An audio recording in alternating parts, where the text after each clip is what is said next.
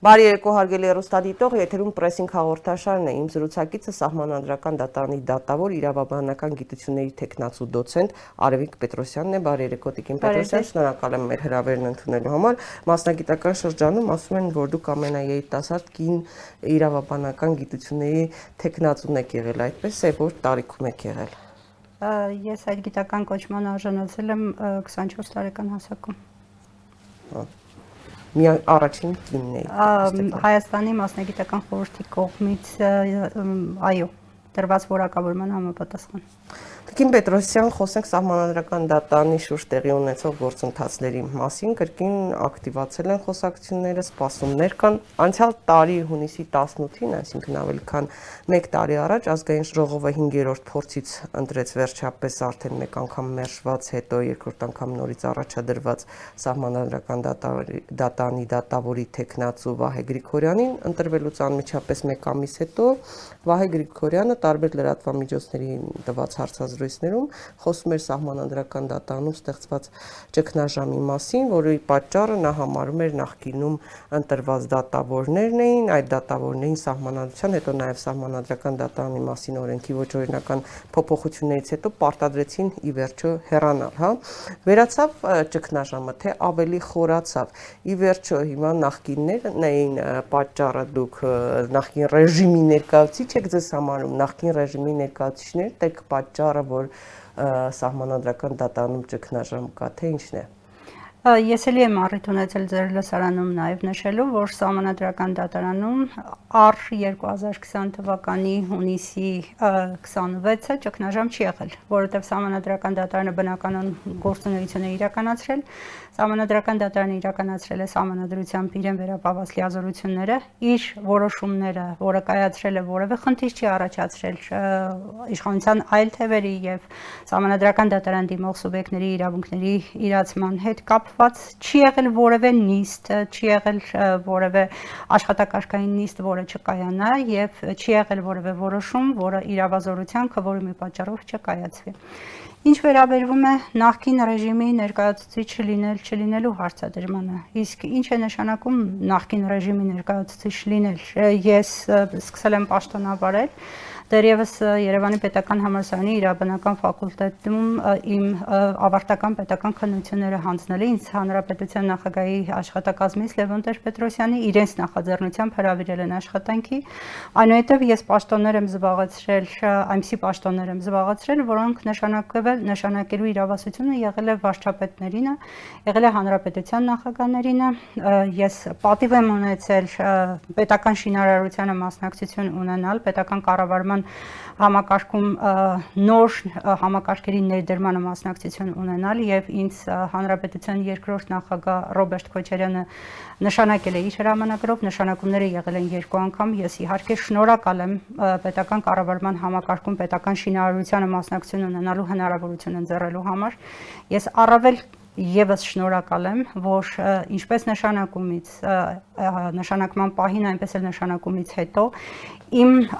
գործունեության վրա քաղաքական որևէ ներազդեցություն կայացնելու սուբյեկտիվ որոշումներ կայացնելու համար որևէ ազդեցություն չի եղել եւ շնորհակալ եմ Հանրապետության երրորդ նախագահ Սերժ Սարգսյանին, որը ինձ նշանակել է համանդրական դատարանի անդամ 2010 թվականին եւ կրկին շնորհակալ եմ, որ իմ պաշտոնավարման ժամանակահատվածում այս 10 տարիների ընթացքում, ինչպես նախագահ Սարգսյանի պաշտոնավարման ժամանակահատվածում, այնպես էլ դրանից հետո որևէ ազդեցություն իմ որպես համանդրական դատարանի անդամի դատավորի լիազորությունների իրականացման որոշումների կայացման վրա չի եղել։ Ես իմ որոշումները կայացրել եմ, այդ որոշումների համար պատասխան պատասխանատու եմ եւ ունեցել եմ իմ պատասխանատու մասնակցությունը։ Ինչ է նշանակում նախկին ռեժիմի ներկայացուցիչ լինել, ես չեմ հասկանում։ Եթե դա այն է, որ տվյալ պայի քաղաքական ուժի ներկայացուցիչների կողմից կամ բարձրաշան պաշտոնատար անձանց կողմից նշանակումներ կատարելը կամ ազգային ժողովում ընտրված լինելը, քաղաքական ուժի ներկայացուցիչներ են, այդպիսի օրինակներ սահմանադրական դատարանում այսօր էլ կան եւ ոչ միայն մինչեւ սահմանադրության 7-րդ գլխի ուժի մեջ մտնելը ժամանակահատվածը։ Այդպիսի նշանակումներ եղել է նաեւ 7-րդ գլխի ուժի մեջ մտնելուց հետո, այսինքն 2018 թվականի ապրիլի 9-ից հետո, ինչպես դա եղավ Արման Թիլանյանի, ինչպես դա եղավ Վահե Գրիգորյանի պարագայում։ Նույնիսկ երեք ազգային անվտանգության խորհրդի քարտուղարը, երբ որ պատասխանում էր լրագրողների հարցերին, անդրադառնալով նույնիսկ այս երրորդ նախագահ Սերժ Սարգսյանի ապրիլյան պատերազմի թեմայով ասուլիսի, նույնիսկ այդ դեպքում այսպիսի խոսքը դաշտ նետեց, որ դատական համակարգում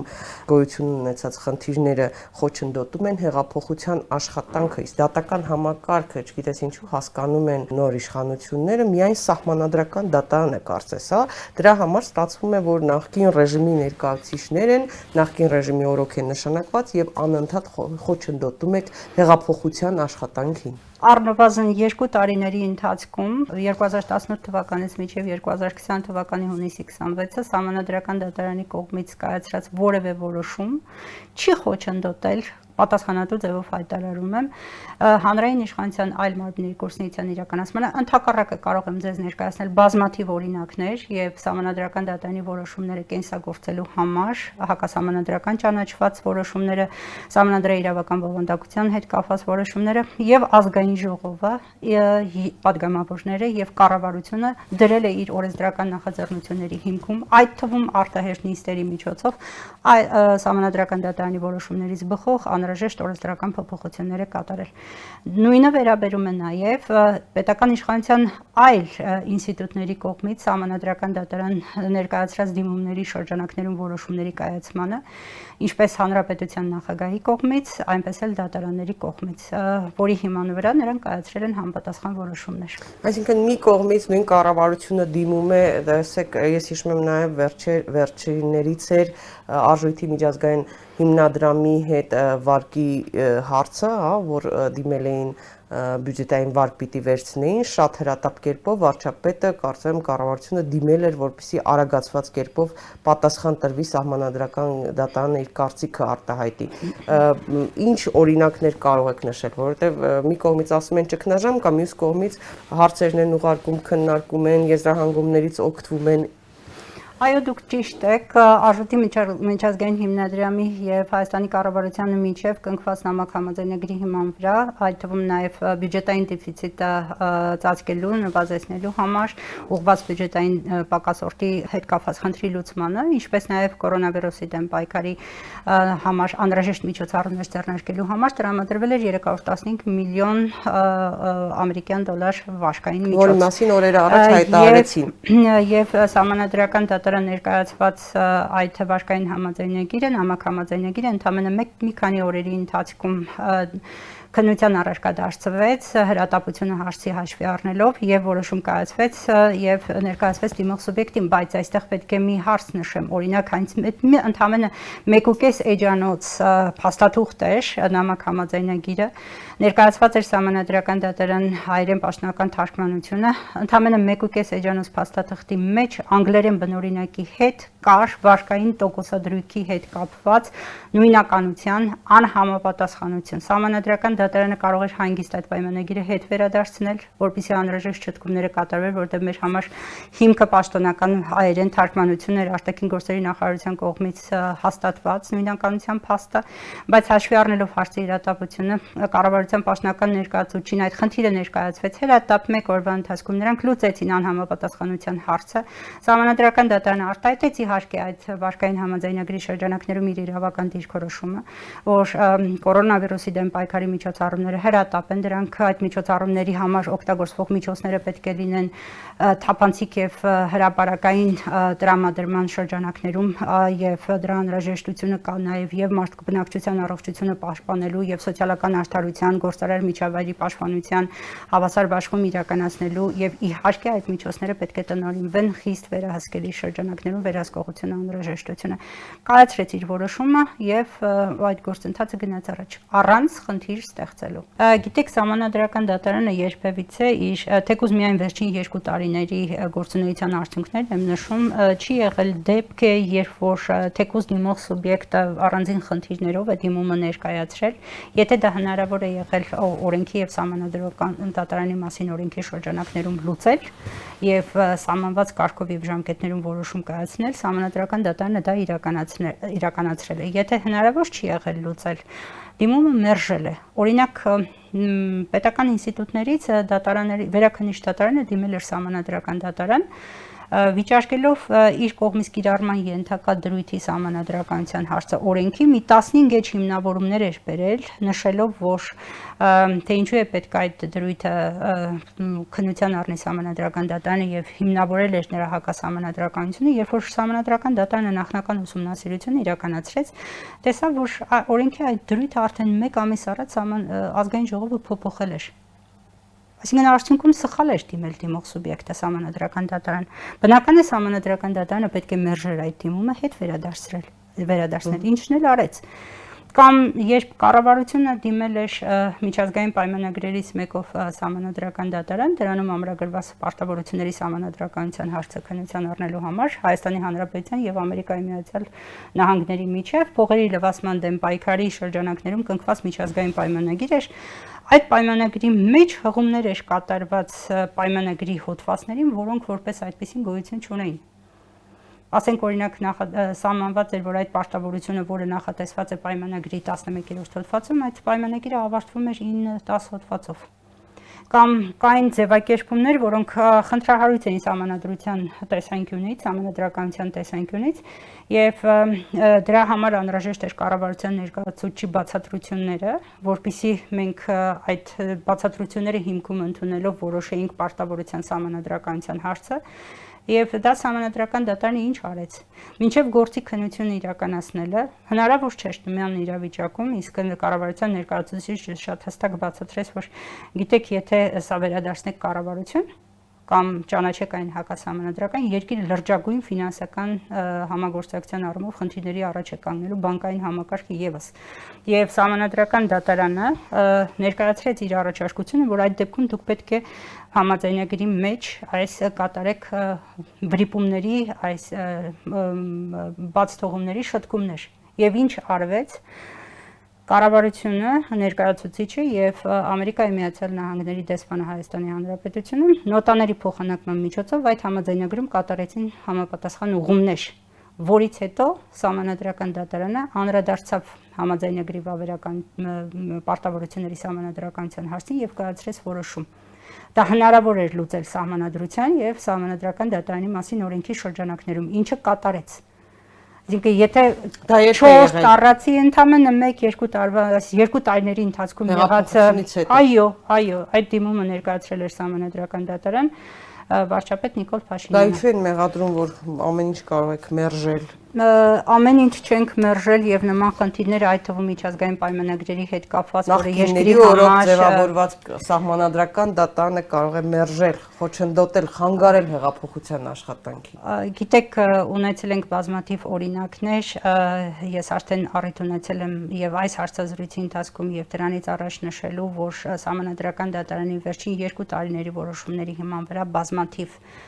օրենսդրական նախաձեռնություններ են եղել ազգային ժողովի падգամավորների եւ կառավարության կողմից, որոնց հիմքում եղել է համանդրական դատարանի որոշումները եւ որևէ առումով գործունեության արգելափակումների առումով մենք որոշում չենք կայացրել, որի համար այսօր կարող ենք մեր աչքերը խոնարել։ Վերջին այդպիսի հարցերը, որ քննարկվել են, երբ է եղել, որովհետև հասարակությանը այլ իրավիճակ է ներկայացնում, որ ՍԴ-ն ընդհանրապես չի աշխատում, ՍԴ-ում ճգնաժամ է, բայց հասարակությունը նաև տեղյակ չէ մեծ հաշվով, թե ինչպիսի գործընթացներ են տեղի ունենում, ինչ հարց լուրջագույն հարցեր են քննարկվում ու եզրակացություններ տրվում կառավարությանը օգնում, այսպես ասած։ Գիտեք, մինչև համանadrության փոփոխությունների փոփոխություններն ընդունելը, համանadrական Հանրապետական դատարանի անցկացրել է բոլոր նիստերը, ինչպես արդեն նշեցի, եւ իրավազորության հետ կապված մենք խնդիր չենք ունեցել։ Վերջին նիստը մենք անցկացրել ենք հունիսի 18-ին, որից հետո համանadrության փոփոխությունների ընդունումից հետո, ինչպես նաեւ համանadrական դատարանի մասին օրենքի փոփոխության ընդունումից հետո Դրան հաջորդած այդ թվում նաև համանդրական դատարանի բնականon գործունեության ապահովման խնդիրների հետ պայմանավորված մենք ունենք արդեն այնպիսի իրավիճակ, որ համանդրական դատարանում համանդրական փոփոխությունները ուժի մեջ մտնելուց հետո հունիսի 26-ից հետո առ այսօր որևէ նիստ չի կայացել համանդրական դատարանում։ Մենք ուզում էին ճգնաժամ, ստացան ճգնաժամ։ Գիտեք, ես կարող եմ փաստեր ձեզ ներկայացնել, երբ ընդունվեց եւ ուժի մեջ մտավ հունիսի 26-ին համանդրության փոփոխությունները Դրան հաջորդեց ազգային ժողովի մամուլի հաղորդագրությունը, որ այդ փոփոխությունների հիման վրա 3 դատավորների Ֆելիքս Տոխյանի, Հրանտ Նազարյանի եւ Ալվին Ակյուրումյանի լիազորությունների ժամկետը ավարտվել է եւ դադարել է պաշտոնավարումը։ Որպես համանդրական դատարանի նախագահ դատավորում է պաշտոնավարել Հրայր Թոմասյանը եւ շարունակում է պաշտոնավարել որպես համանդրական դատարանի դատավոր։ Դրան հաջորդեց Արարատ Միրզոյանի եւ Աշոտ Խաչատրյանի որպես համանդրական դատարանի տարիքով ավակ դատավորի հանդիպումը, որի արդյունքում ազգային ժողովի նախագահի ձևաթղթի վրա հաղորդագրության ներքո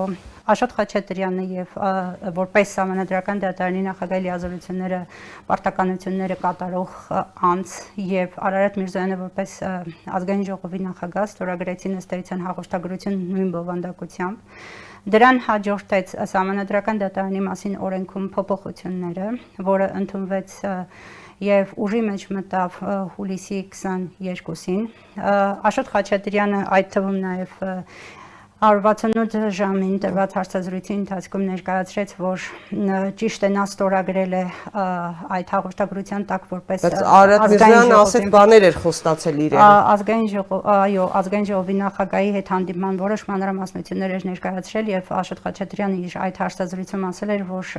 այնուամենայնիվ իրավաչափ չէ, որ ես ստանձնեմ Իհարկե ասամանադրական դատարանի նախագահի պարտականությունների կատարումը, քանի դեռ նաեւ անհատական իրավական ակտեր դատեր ընդունված չեն, որով կփաստվի այ որ դատարել են որ համանդրական դատարանի դատավորների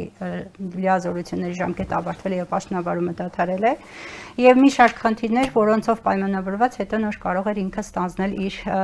պարտականությունների իրականացումը եւ քանի որ դաթար տեղի ունեցավ հունիսի 26-ից մինչեւ հուլիսի 22-ը փաստացի Աշոտ Խաչատրյանը չկատարեց համանդրական դատարանի նախագահի լիազորությունների ժամանակավոր կատարումը, բնականon գործունեությունը չապահովվեց, նիստերը չկայացան, որոշումներ չկայացվեցին, դրանով արգելափակվեց նաև համանդրական դատարան դիմող սուբյեկտների իրավունքները խախտվեցին օրենքով նախատեսված ժամկետներ, մենք հիմա ունենք այս վիճակը ինչի ես ձեզ նկարագրեցի կոնկրետ փաստերով։ Այդ ժամանակ այնուամենայնիվ Տիկին Պետրոսյանը, Աշոտ Խաչատրյանը շատ ողջևորված էր եւ աշխատանքային համագործակցության էր, հա, տրամադրված։ Այդ ակտիվությունը հիմա էլ պահպանվում է։ Կիսվեց իր տպավորություններով Աշոտ Խաչատրյանը Միրզոյանի հետ հանդիպումից հետո։ Գիտեք, բնականաբար Աշոտ Խաչատրյանը իր տպավորությունները կիսեց Արարատ Միրզոյանի հետ հանդիպման արդյունքում նաև իմ կոնկրետ հարցադրումների շրջանակից ելնելով որովհետև ես խնդիր էի տեսնում եւ տեսնում եմ հիմա նույնպես համանadrական դատարանում այսօր արկա իրավիճակի հետ կապված, որը 3 խումբ հարցերի խնդիրների շրջանակով է պայմանավորված, դա համանadrության փոփոխությունների փոփոխությունների իրավակարգավորումներով է պայմանավորված, դա համանadrական դատարանի մասին օրենքի փոփոխությունների իրավակարգավորումներով եւ համանadrական դատարանի բնականon գործունեության ապահովման հետ կապված խնդիրներով։ Եթե ցանկանում եք, ես հենց վերջից այսպես ասած նաև ձեր հարցադրման շրջանակից ելնելով կգամ։ Սահմանադրական դատարանի մասին օրենքը 18-րդ հոդվածի 3-րդ մասը շատ հստակ սահմանում է, որ Սահմանադրական դատարանի նախագահի եւ փոխնախագահի բացակայության դեպքում Սահմանադրական դատարանի նախագահի պարտականությունների ժամանակավորապես կատարումը իրականացում է Սահմանադրական դատարանի տարիքով ավակ դատավորը։ Եւ այստեղ խնդրեմ ուշադրություն դարձնեք, որ բացակայության հետ կապված չկա պատճառ նշված, դա օբյեկտիվ է, սուբյեկտիվ է եւ այլն, եւ ոչ թե այստեղ պաշտոնի ստանձնման մասին է խոսքը, որpիսի հայեցողություն ունենա տարիքով ավակ դատավորը որոշել ստանձնել պաշտոնը, թե չստանձնել, երբ ստանձնել, արկա խնդիրները լուծելուց հետո ստանձնել, թե ոչ, այլ միանշանակ է, որ համանդրական դատարանի մասին օրենքի ուժով որպես պարտադիր գործառույթ, որpիսի ապահովի համանդրական դատարանի բնականon գործունեությունը, եթե բացակայում է նախագահան կամ փոխնախագահան, նա պետք է այդ գործառույթները կատարի։ Սահմանադրական դատարանի նախագահի եւ փոխնախագահի բացակայության փաստը ակնհայտ էր առնվազն 2020 թվականի հունիսի 26-ին, երբ Սահմանադրության փոփոխությունները մտան ուժի մեջ, գործընթացների մասին դեռ կխոսենք։ Հրայր Թոմասյանը գտնվում էր Արցախուրտում, Արվին Ակյուրումյանը համանadrական դատարանի շենք մուտք գործելու խնդիր ուներ եւ այս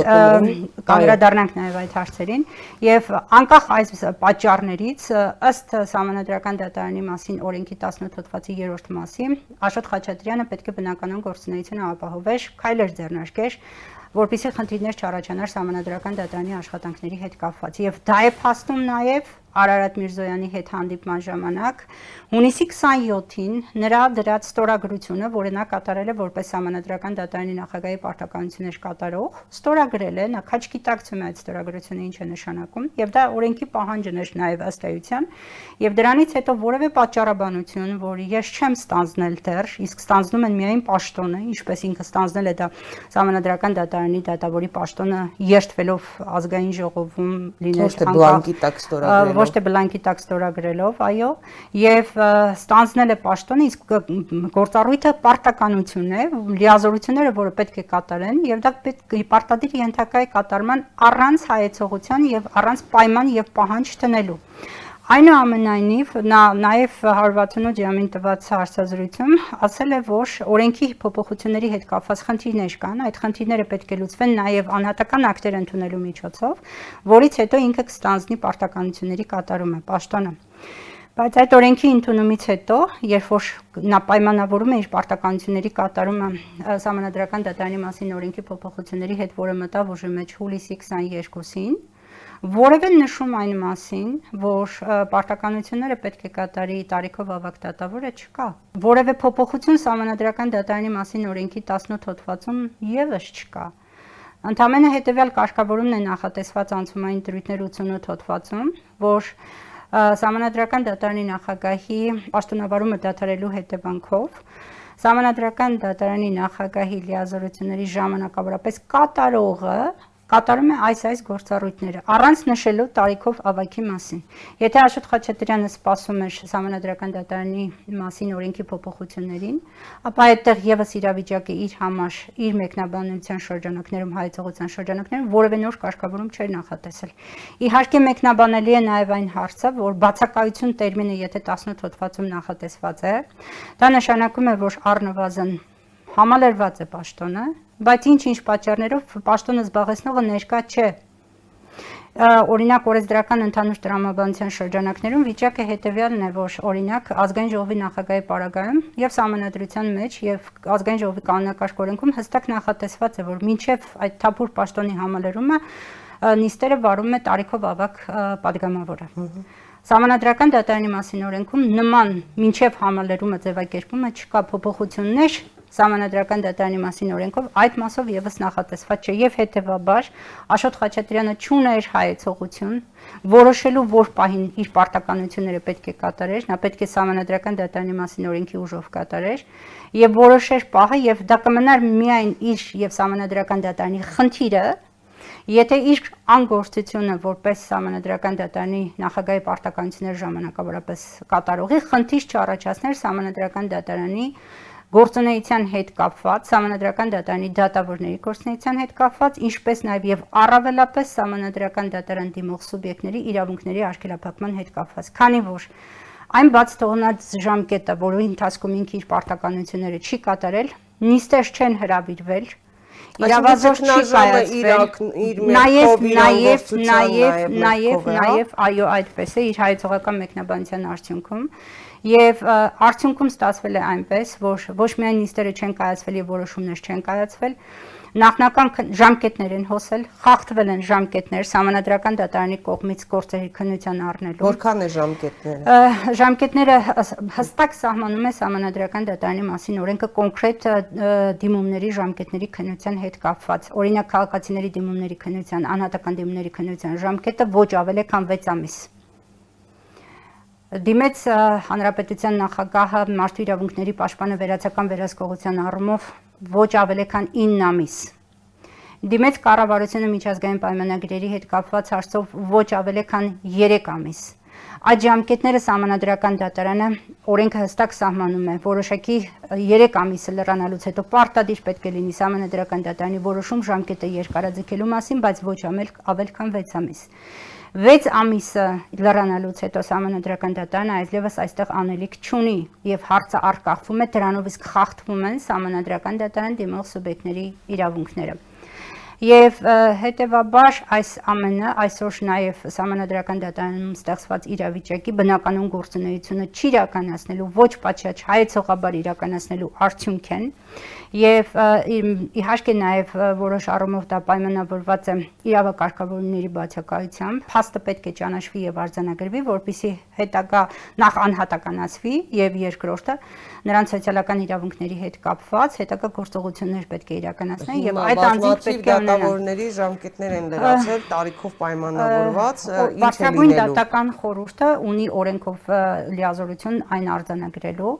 եւ արձանագրում է այդ գործընթացը շարունակվում է համանadrական դատարանում այսօր ազգային ժողովի կանկայքում հրապարակված մամուլի հաղորդագրությունների հիման վրա որ դադարել են 3 դատավորների լիազորությունների ժամկետը. Հրանտ Նազարյան, Ֆելիքս Թոխյան, Ալվինա Գյուլումյան ըստ ազգային ժողովի մամուլի հաղորդագրության դա այդ փաստը արձանագրող որևէ իրավական ակտ գոյություն չունի այն չի նման տիպի իրավական ակտ չի ընդունում նաև կարգադրություն համապատասխան փաստի արձանագրման նաև Աշոտ Խաչատրյանը որpիսի դրա հիման վրա նաև դատավորների, որոնց լիազորությունները ավարտվել են, կատարվեն վերջնահաշվարկ չնայած որ նման պահանջ Բայց ի՞նչն է, ինչու են աշխատակազմի ղեկավարից Էդգար Ղազարյանից, հա, պահանջում վերջնահաշվարկ կատարել ինչի հիման վրա։ Գիտեք, Էդգար Ղազարյանը պրոֆեսիոնալ մասնագետ է, իր պարտականությունները կատարել է բարձր մակարդակով եւ պատասխանատվությամբ առ այսօր եւ իր գործունեությունը հիմնվել է միայն եւ բացառապես օրենքի օրենքի պահանջների եւ դրույթների վրա եւ վերջնահաշվարկ կատարելու համար ես եւս զրուցել եմ պարոն Ղազարյանի հետ ինչու վերջնահաշվարկ չի կատարում ի վերջո հա, կարգենսաթոշակի ձևակերպման հետ կապված անկախ նրանից որ վիճելի են համարում իրենց իրավունք խախտված իրավունքների վերականգնման համար քայլեր են կատարելու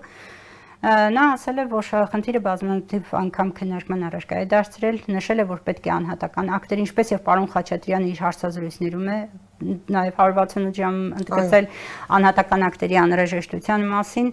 բայց չկա եւ իրեն առաջարկել են կարդալ սահմանադրության փոփոխությունները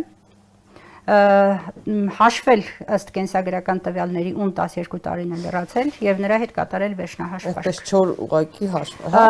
Եւ ես ուղակի հարց եմ տվել պարոն Խաչատրյանին, հետեւյալ իմաստով, որ եթե մեր գործընկերները գնալու են իրենց կենսաթոշակը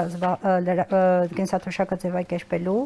սոցիալական խնդիրները լուծելու, իրենք նույնպես պետք է համանadrության փոփոխությունները դնեն իրենց թևատակի եւ գնան անպատասխան ստորաբաժանումներ եւ ասեն սա մեր վրա է է տարածվում, տեսեք մեր կենսագրությունը սա է եւ հետեւաբար ձևակերպեք մեր կենսաթոշակային իրավունքը տվեք մեզ կենսաթոշակ։ Եվ ի վերջո հարց կա իր հարցազրույցում հնչեցված պարոն Խաչատրյանի կողմից, որը նա ասում է, որ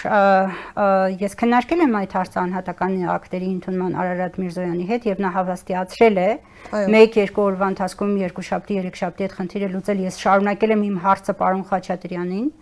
որ ինչ իրավական ակտերի մասին է քննարկել պարոն Միրզոյանի հետ իրավական ակտերը ենթադրել եք, որ պետք է ընդունի ազգային ժողովը, եթե ընդունել է, ես չեմ տեսել, խնդրում եմ տվեք ես էլ տեսնեմ այդ անհատական ակտերը։ Եթե այդ անհատական ակտերը վերաբերում են համանadrական դատարանի կողմից ընդունվող անհատական ակտերին, ձեր կողմից ընդունվող անհատական ակտերին, առնվազն հարց ունեմ ձեզ, պարոն Խաչատրյան։ Համանadrական դատարանի իրավասության ենթակա հարցը, որը պիտի որոշում կայացնի, կայացնեք դուք համանդրական դատարան ինչու եք քննարկում ազգային ժողովի նախագահի հետ իշխանությունների տարանջատման դատական իշխանության անկախության սկզբունքը ինչպես եք պատկերացնում այստեղ խախտվում է թե չի խախտվում եւ առավել եւս երբ որ Արարատ Միրզոյանը հավաստիացնում է որ 1-2 օրվա ընթացքում այդ հարցը կլուծվի ցավոք սրտի ես պատասխան չեմ ստանում Դրա համար մենք Խաչատրյանին մի քանի անգամ ուղիղ հենց հարցրել ենք եւ նա բառացի ասել է, որ ինքը չի համարվում ՍԴ նախագահի պարտականությունները կատարող։ Բառացի ես այս հարցը քննարկման առարկայում դարձրել համանadrական դատարանում աշխատանքային եւ աշխատակարգային նիստերում քննարկումների ժամանակ, որովհետեւ առնվազն այդ գործողության իրավաչափությունը ինձ համար անընդունելի է։ Ես ձեզ ներկայացրեցի նաեւ համանadrական դատարանի մասին օրենքի պահանջները, լուծումները։ Ես առաջարկել եմ իմ գործընկերներին իրենց տեսակետները եւս այս մասով հայտնելու, որտեւ երբ որ այսօր Աշոտ Խաչատրյանը, որ իր իսկ նշած հիմքերով, իր իսկ նշած հիմքերով այսօր չէր կարող իրականացնել այդ գործառույթները։ Ի վերջո նաև իրեն ասեցի նույն օրը Արարատ Միրզոյանի հետ հանդիպման արդյունքում, երբ որ դուք ստորագրեցիք ազգային ժողովի նախագահի ձևաթղթի տակ որպես համանadrական դատարանի նախագահի լիազորությունները կատարող ձեզ նույն օրը վարչապետը շնորհավորեց այդ կապակցությամբ եւ ձեզ իմաստնություն մաղթեց հաջողություն մաղթեց դուք հետո չիրականացրեցիք ձեր գործառույթները, չկատարեցիք այդ լիազորությունները եւ դա միայն ձեր եւ մեր խնդիրը չէ։ Դա խնդիր է համանadrական դատարան դիմող սուբյեկտների իրավունքների խախտման առումով եւ դուք իրավազոր չէ ձեր կողմից հետ այսու շարունակել, որովհետեւ այս ոչ հաստատակամ եւ ոչ միանշանակ գործողությունները հանգեցնում են համանadrական դատարանի բնականon գործունեության խաթարմանը խոչընդոտներ վտանգ են ստեղծում նաև համանդրական արդարադատության իրականացման առումով։ Միգուցե իշխանությունների հաշվարկը ինչ որ իմաստով դրանում էր, որովհետև բազմաթիվ հասարակական եւ քաղաքական հնչեղության գործեր կան, չէ, դիմորդներ կա, սուբյեկտներ են դիմել սահմանադրական դատարան։ Այնպիսի տպավորություն նախ ուզում եմ խոսենք այն մասին, որ շատերի կարծիքով տպավորություն է, որ Եթե սահմանադրական դատանում ճգնաժամ է, դա չի անդրադառնում երկրի վրա։ Խնդրում եմ մի հատ սա բացատրեք, հա, խոսենք հասարակությունն էլ հերոստադիտողն էլ հասկանա, թե սահմանադրական դատանի ճգնաժամը ինչի վրա է անդրադառնում։ Եվ նաև այն սուբյեկտների դիմումները, որոնք փաստորեն Խաչատրյանի անգործության եւ ճգնաժամ առաջացնելու մեղքով կարող են ժամկետայնության խնդիր առաջացնել եւ այլևս կարող են թե չեն կարող դիմել սահմանադրական դատարան այդ սուբյեկտները, եթե ժամկետը լրանում է։ Բավական տարօրինակ հարց տվեցիք, ես փորձեմ դրանց անդրադառնալ։ Ես եւս հարց եմ տվել եւ պարոն Խաչատրյանին եւ այդ քննարկմանը ներկա բոլոր դատավորներին, որ կարող է այս ժամկետի բաց թողման առումով կա կարանրաժեշտություն լավ այսպես ձևակերպեմ եւ ես դրանից տեղյակ չեմ կամ ինչ-որ լավ բան չեմ հասկանում որովհետեւ ինչ է կատարվում այս մի ամիսը եւ անկեղծ ասած պատասխան չեմ ստացել այնպիսի պատասխան որը հիմա կկարողանամ ձեր նաեւ լսարանում հնչեցնել Ինչ վերաբերում է սուբյեկտների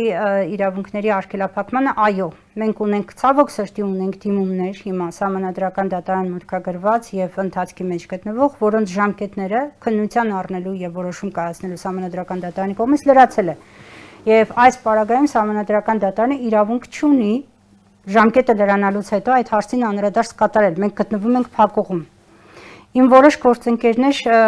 ունեն այն մոտեցումը, որ ոչինչ խնդիր չկա,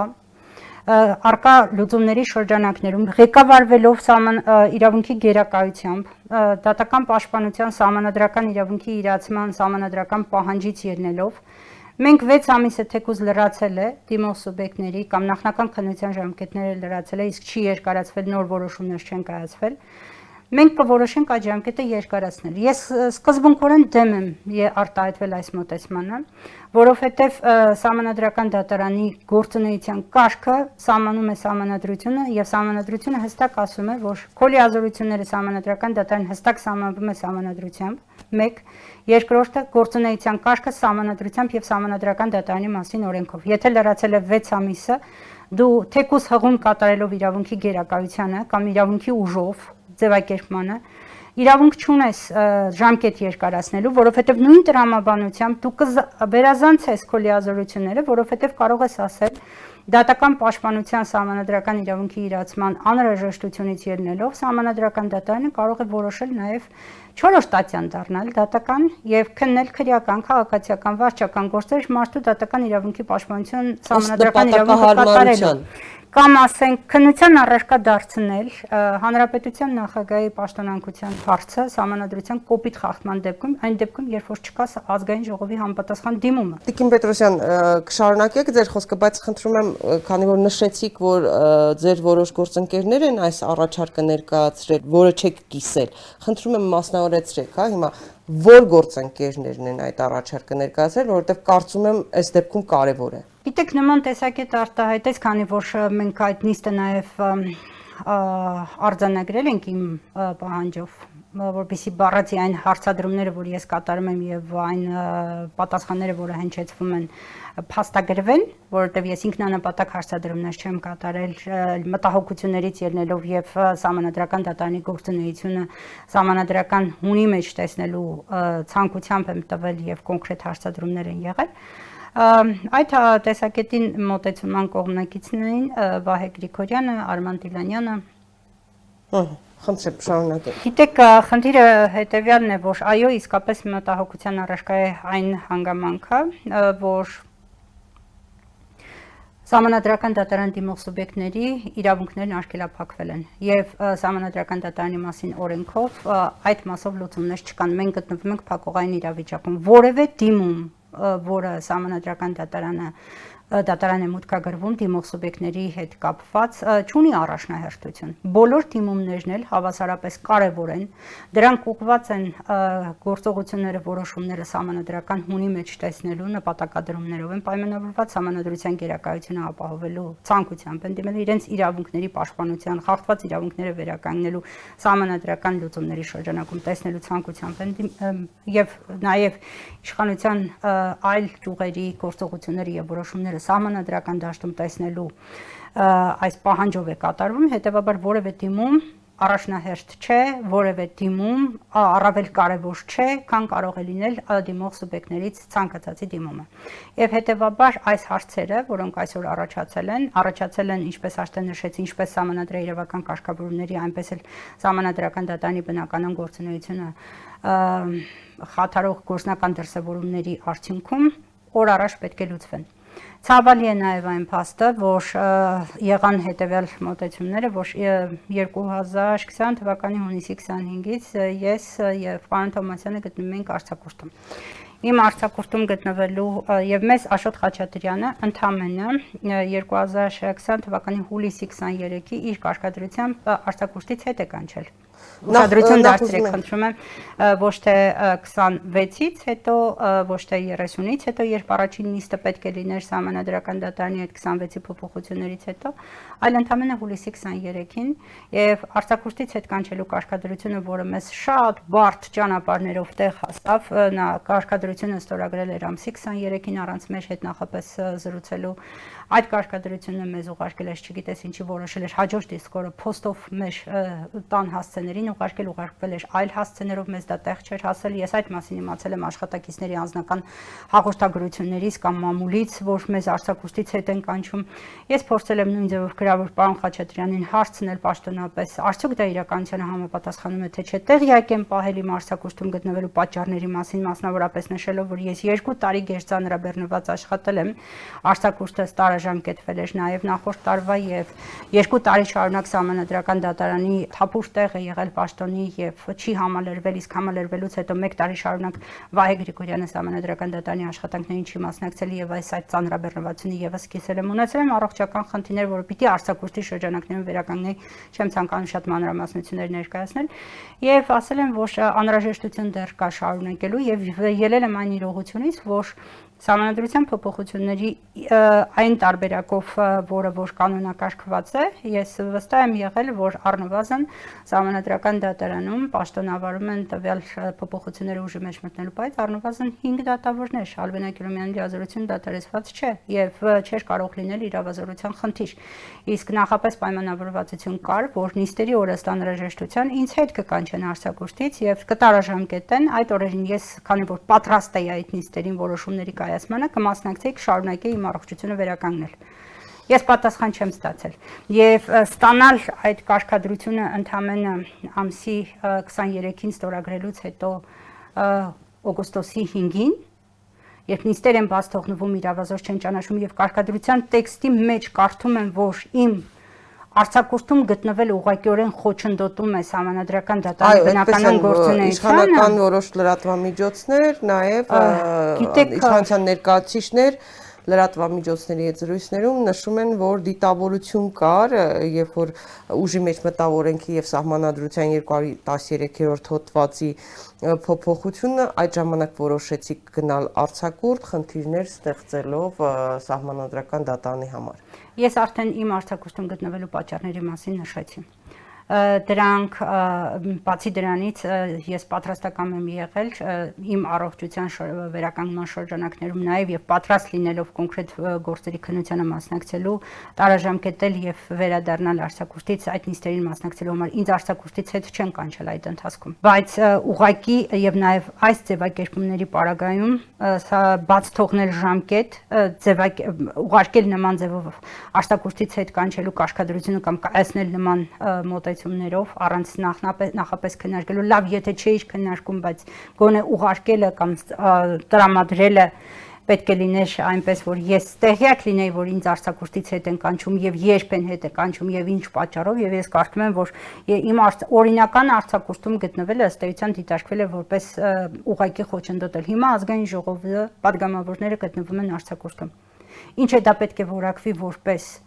ազգային ժողովի օրենսդիր իշխանության բնականon գործունեությանը խոչընդոտել։ Հա? Եթե ես գտնում եմ իմ օրինակ եւ ինձ հետ չեն կանչում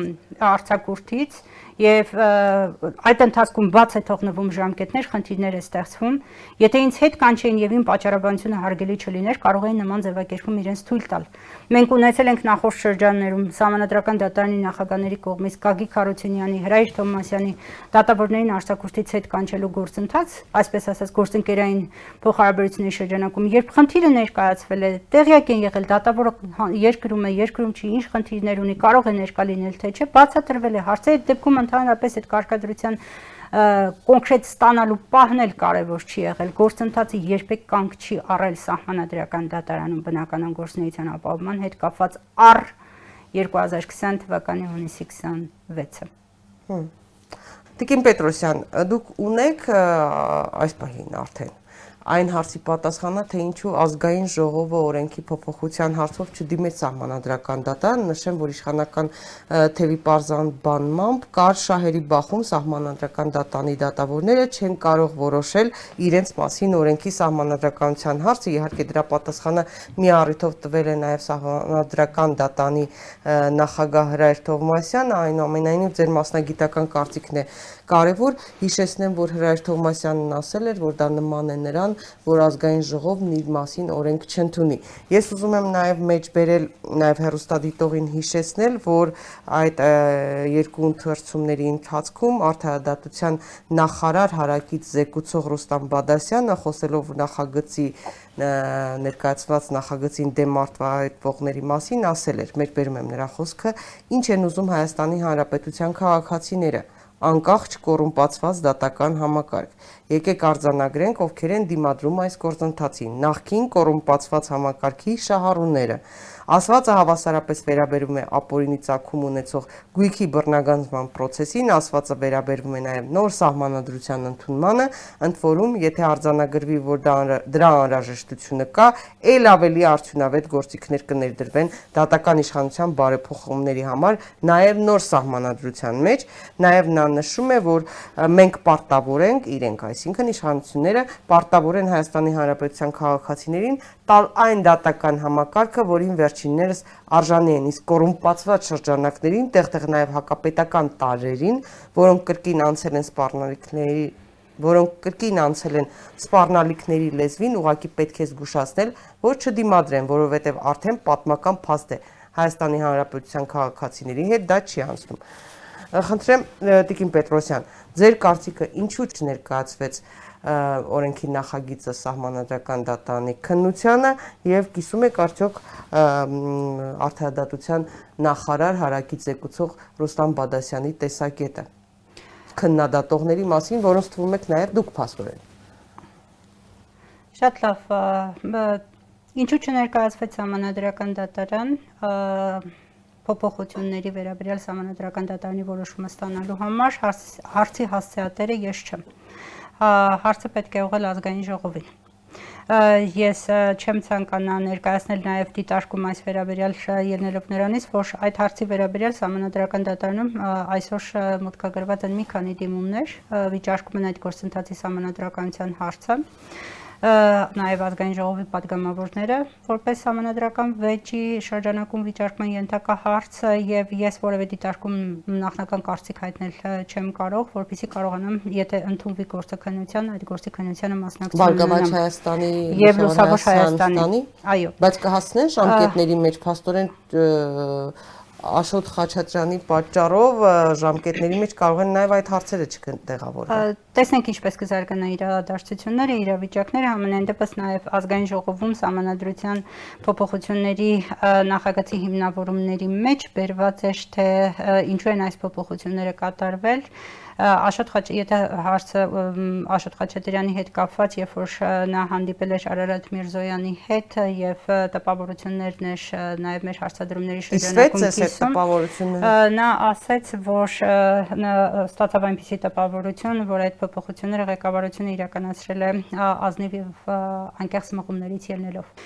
Ինչ վերաբերում է համանadrության փոփոխություններին, ես չեմ ցանկանում նաև անդրադառնալ պարոն նախարարի ներկայացրած դիտարկումներին, որովհետև ներկայացված այդ դիտարկումները քաղաքական հարթության մեջ են եւ պատասխանած կլինի քաղաքական հարթության մեջ, իսկ ես պարտավոր եմ քաղաքական զսպվածություն դրսևորել որպես համանadrական դատարանի դատավոր նախարարի պաշտոնը քաղաքական պաշտոն է եւ նա կարող է կատարել նաեւ նման հայտարարություններ։ Դա իր իրավասության տիրույթում է, թողնենք դա։ Ես ցանկանում եմ անդրադառնալ համանadrության փոփոխությունների բովանդակությանը առանց դրանց համանadrականության հարցին անդրադառնալու, անկախ նրանից, որ համանadrական դատարանը այլևս այս հարցին չի անդրադառնալու, որpիսի նաեւ ըստ այդ փոփոխությունների բովանդակության փորձեմ ներկայացնել, թե ինչու է այսօր համանadrական դատարանում առաջացել այս իրավիճակը, այդ թվում նաև համանդրական դատարանի դատավորների լիազորությունները լիազորությունների ժամկետը դատարելու հետ կապված առարկելիության առումով մասնավորապես թե արդյոք այս փոփոխությունները վերաբերում էին հենց համանդրական դատարանի 3 այն դատավորներին, որոնց անունները հրապարակված են ազգային ժողովի մամուլի հաղորդագրության մեջ։ Ալվինա Քյուլումյան, Հրանտ Նազարյան եւ Ֆելիքս Թոխյան։ Ես ցանկանում եմ ձեր թույլտվությամբ որոշակի մանրամասնությամբ նաեւ ձեր հետ միասին անդրադառնանք այս ձևակերպումներին, ելի եմ կրկնում նպատակս նա չէ, որպիսի հանրային տրամադրվածություն ստեղծեմ այս փոփոխությունների գործողությունների նկատմամբ։ Այն դեպքում որ դա ձեզ չի վերաբերում։ Դա ինձ վերաբերում է նաև ինձ, որովհետև այս փոփոխություններով կրճատվում է իմ լիազորությունների ժամկետը եւս, եթե ես պետք է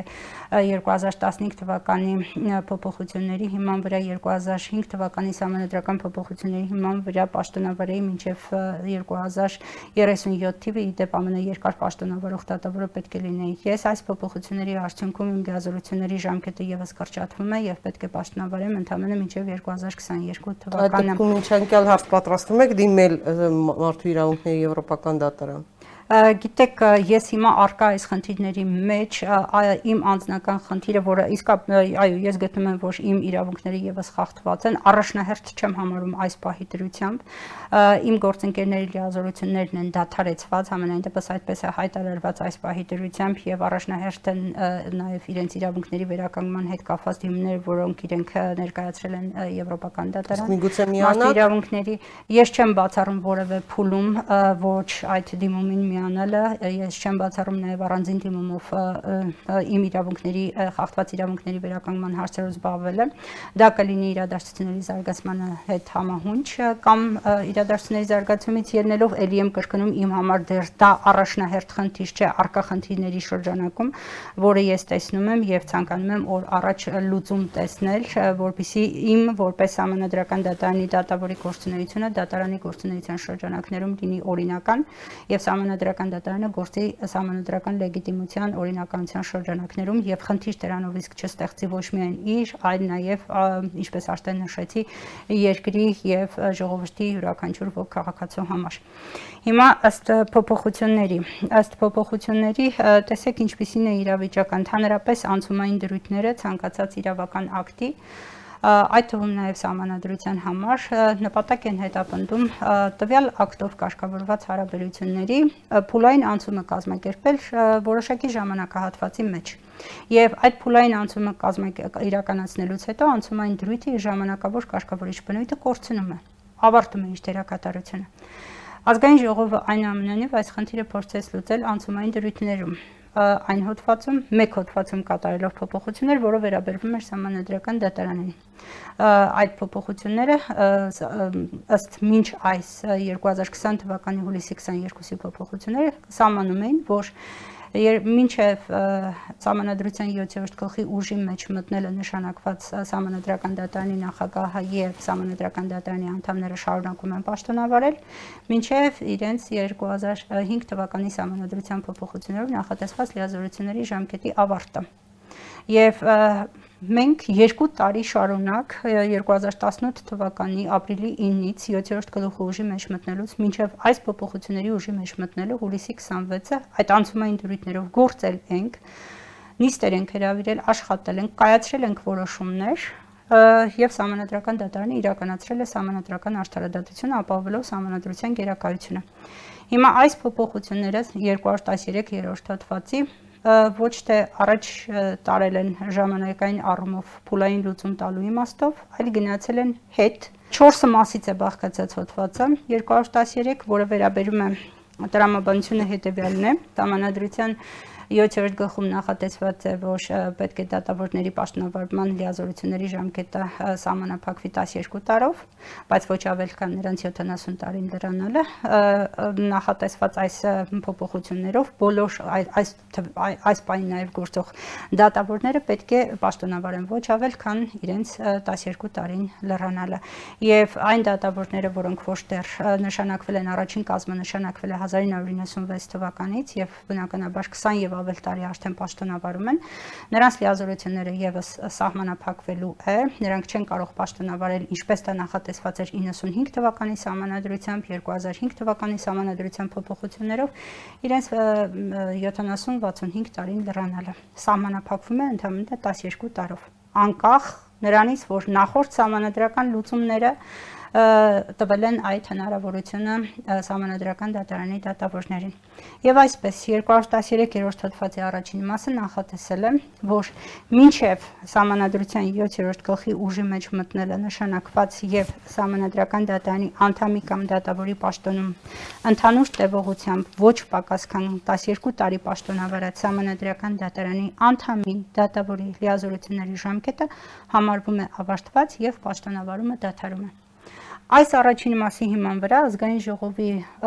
մամուլի հաղորդագրությամբ երեք դատավորի լիազորություններ դադարել են։ Ալվինա Քյուլումյան, Հրանտ Նազարյան, Ֆելիքս Թոխյան։ Սահմանադիրը նախատեսել է. Շատ հստակ կանոնակարգումները ցանկանան, որպեսի դուք նաև որպես բանասեր, եթե չեմ սխալվում, այս ձևակերպումների շրջանակներում տեսնենք դա իսկապես տարածվում է երեք դատավորների վրա, թե առնվազն տարածվում է Հրանտ Նազարյանի եւ Ֆելիքս Թոխյանի վրա։ Այս ձևակերպման մեկնաբանությամբ չի տարածվում Ալվինա Կելումյանի վրա եւ դրանով եմ նաեւ պատկերացնում, տեսնում, որ այսօր համանadrական դատարանում արկա է խնդիր օրինական համանadrական դատարանի կազմով գործունեությունը շարունակելու առումով։ Սահմանադիրը կոնկրետ դեպքում օրեսդիրը նշում է մինչև սահմանադրության 7-րդ գլխի ուժի մեջ մտնելը նշանակված Սահմանադրական դատարանի անդամների մասով։ Մինչև Սահմանադրության 7-րդ գլխի ուժի մեջ մտնելը, այսինքն մինչև 2018 թվականի ապրիլի 9-ը Սահմանադրական դատարանում պաշտոնավարել են միայն անդամներ։ Ահա դատավորներ չեն պաշտոնավարել։ Եթե դատավոր տերմինը այստեղ օգտագործված է կամ դատավորի պաշտոնում, ես չեմ հասկանում ինչու համ ինչի համար է սա օգտագործված, ինչ կոնտեքստում, ինչ համատեքստում, որ եթե այն համատեքստում, որ երբևիցե համանadrական դատարանի անդամ պաշտոնավարածները իրենց աշխատանքային կենսագրության մեջ նաև դատավորներ են աշխատել, Այդ երեք դատավորների աշխատանքային կենսագրության մեջ դատավոր աշխատած համանadrական դատարանի անդամ գոյություն չի ունեցել։ Արվին Ակյուրումյանը եղել է Գերագույն դատարանի անդամ, ոչ դատավոր։ Իսկ համանadrության մեջ 7-րդ գլխի կարգավորումների շրջանակում դատավոր տերմինը օգտագործվում է առանձին դատավոր եզրույթը օգտագործվում է ոչ թե համանadrական դատարանի համար, այլ այլ դատարանների վճռաբեկ, վերաքնիչ եւ ընդհանուր իրավասության դատարանների համար։ Հետևաբար, եթե օրեսդիրը այստեղ օգտագործել է կամ այլ դատավոր աշխատած պաշտոնում ընդհանուր տևողությունը եզրույթը, դա մինչև 2018 թվականը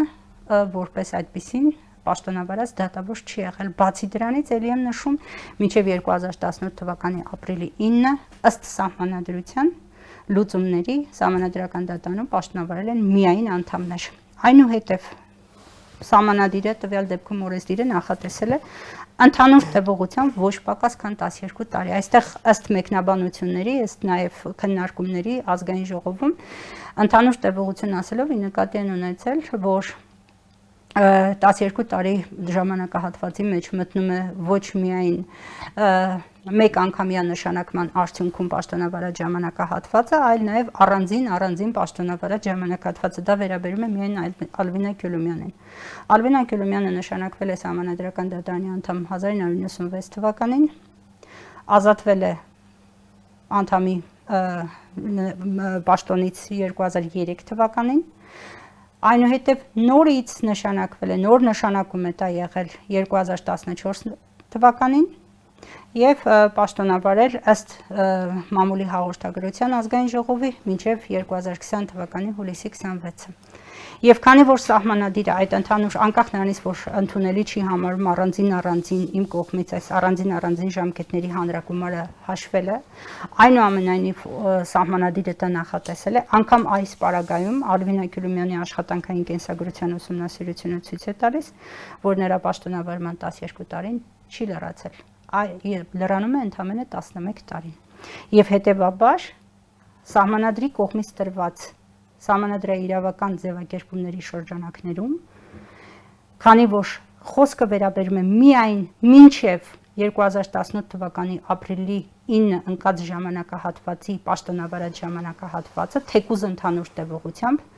12 տարին չի լրանում եւ հետեւաբար 213-րդ հոդվածի առաջին մասը վերաբերում է միայն կարող է վերաբերելի լինել միայն երկու դատավորների Հրանտ Նազարյանին եւ Ֆելիքս Խոխյանին։ Բայց այս փոփոխություններով նաեւ կասկածի տակ չեն դրվում Դիլանյանի եւ Պահե Գրիգորյանի լիազորությունները եւ առհասարակ ով ընտրվի կարծես լեգիտիմ չի լինելու այսպես թե այնպես։ Ես կանրադառնամ այդ հարցին, դա այս փոփոխությունների երրորդ մասի հետ է կապվում, այո կա նաև նման խնդիր, բայց կցանկանամ ավարտել այս հարցի վերաբերյալ իմ դիտարկումը, հետո շարունակեմ այ իմ ասած մոտեցումը, որ սա վերաբերելի չէ եւ չի կարող ավարտված համարվել Ալվինա Կիլոմյանի լիազորությունները, այդ վկայում է նաեւ 213-րդ հոդվածի երկրորդ մասի իրավակարգավորումը։ Նա ուղղակիորեն նախատեսում է, որ մինչև համանadrության 7-րդ գլխի ուժի մեջ մտնելը նշանակված համանadrական դատարանի անդամը, խնդրում եմ ուշադրություն դարձրեք ձևակերպմանը, անդամը, այստեղ անգամ փակագծերի մեջ կամ կամով նշված չէ դատավորը եւ ճիշտ է արված տվյալ պարագայում, որտեղ մինչեւ 7-րդ գլխի ուժի մեջ մտնելը պաշտոնավարել են միայն անդամներ։ Անդամը, որի պաշտոնավարումը չի դադարում սույն հոդվածի առաջին մասի ուժով, շարունակում են պաշտոնավարել որպես համանadrական դատարանի դատավոր։ Մինչև, խնդրում եմ ուշադրություն դարձրեք, այդ պաշտոնում նրա պաշտոնավարման 12 տարին լրանալը հաշվի առնելով նաև մինչև սահմանադրության 7-րդ գլխի ուժի մեջ մտնելը, ինչպես նաև սահմանադրության 7-րդ գլխի ուժի մեջ մտնելուց հետո պաշտոնավարած ժամկետը։ Այստեղ սահմանադիրը հստակեցնում է, որ 12 տարին վերաբերում է ինչպես մինչև 2018 թվականի ապրիլի 9 պաշտոնավարած ժամանակահատվածը, այնպես էլ 2018 թվականի ապրիլի 9-ից հետո եղած ժամանակահատվածը մի բան, որը սահմանադիրը չի արել 213-րդ հոդվածի առաջին մասում։ Նա միայն վերցրել է մինչև 2018 թվականի ապրիլի 9-ի ժամանակահատվածը 12 տարին հաշվելու համար։ Եվ բացի դրանից սահմանադիրը, օրենսդիրը տվյալ պարագայում 12 տարին հաշվում է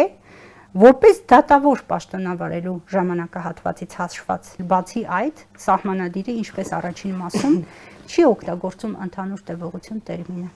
հետևաբար երկրորդ մասի եւս ցույց է տալիս որ այս փոփոխությունները Ալվինա Գյուլումյանի վրա ըստ նրա աշխատանքային կենսագրության չեն տարածվում որովհետեւ չի լրանում ըստ այս փոփոխությունների ձևակերպումների նրա պաշտոնավարման 12 տարին։ Ինչ վերաբերում է 213-րդ հոդվածի 3-րդ մասին եւ նաեւ ձեր հարցադրմանը, արդեն անցած этаպին այս 2 տարիներին համանadrության 7-րդ գլխի ուժի մեջ մտնելուց մինչեւ այս փոփոխությունները ուժի մեջ մտնելու ժամանակահատվածը նորից հետ է գնացել եւ կարգավորել է որ համանadrության 7-րդ գլխի ուժի մեջ մտնելուց հետո ելի կրկնեմ դա 2018 թվականի ապրիլի 9-ն է Սահմանադրական դատարանի դատավորների թափուր տեղերի համար առաջադրումները կատարվում են հաջորդաբար. Կառավարությունը հանրապետության նախագահը եւ դատավորների ընդհանուր ժողովը եւ նախատեսում է առաջադրման ժամկետը որը խախտվել է տեսեք 2015 թվականի սահմանադրական փոփոխությունների համանուն կարգավորումը Սահմանադրական դատարանի դատավորների թափուր տեղերի առաջադրման այլ հաջորդականություններ նախատեսել նախատեսել էր հանրապետության նախագահ, դատավորների ընդհանուր ժողով, նոր կառավարություն։ Եվ 2018 թվականի ապրիլի 9-ից հետո Սահմանադրական դատարանում եղել է երկու թափուր տեղեր, որոնք համալրվել են ըստ վերջին նշած հաշտականության։ Արման Դիլանյանին առաջադրել է դատավորների ընդհանուր ժողովը, Վահե Գրիգորյանին հանրապետության նախագահը։ Եթե սահմանադիրը այս փոփոխություններով չի ասում, որ ուժի այս համանadrության 213-րդ հոդվածի ուժի մեջ մտնելուց հետո առաջացած թափուր տեղերը համալրվում են այս հերթականությամբ, հաջորդականությամբ, հետ է գնում. Նշանակում է կարգավորում է 2015 թվականի փոփոխությունների հետ կապված փուլային անցման շրջանը դնում է համանadrական օրինականության հարց առնվազն Արման Դիլանյանի եւ Վահե Գրիգորյանի առաջադրման հերթականության մասով։ Ինքնանպատակ չէ որևէ կարգավորում, որը կատարվում է համանadrության մեջ, այդ թվում առաջադրման հաջորդականության մասով։ Այս կարգավորումը ցույց է տվել, որ հաջորդականությունը խախտվել է, հետևաբար նրանց գործունեության լեգիտիմությունը համանadrական օրինականությունը խիստ հարցականի տակ է եւ դա ոչ միայն Արման Դիլանյանի եւ Վահե Գրիգորյանի խնդիրն է, այլ ընդհանրապես խնդիր է մասնավորապես Արման Դիլանյանի համար, որովհետեւ նա պաշտոնավարել է 2018 թվականի սեպտեմբերից եւ առ այսօր նա մասնակցել է համանadrական դատարանի աշխատանքներին որոշումների կայացմանն է մասնակցել այդ ոչ որոշումների լեգիտիմության խնդիրը նրա օրինական դատավոր ընտրված լինելու հանգամանքով պայմանավորված ըստ համանadrության լուծման հաջորդականության դրվում է հարցականի տակ Վահե Գրիգորյանը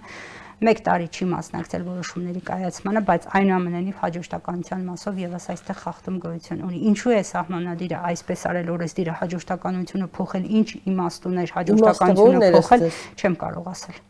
Եթե հաջորդականությունը փոխել էր արկա վիճակը համապատասխանեցնելու առումով, այսինքն այսօր արդեն կառավարության հերթն էր դրա համար է հաջորդականությամբ առաջ առաջ բերել կառավարությանը, ապա ընդհանրապես մենք տեսանք, որ առաջադրման մասով կառավարությունը առաջադրումը կատարեց, բայց ազգային ժողովում ենթադրաբար այդ հարցը չի քննարկելու, որտեղ առաջադրված սուբյեկտը իր տեխնատությունը, իր համաձայնությունը հետ վերցրեց։ Թողնենք մի բան, որ համաձայնություն տալ հետ վերցնելու գործընթացի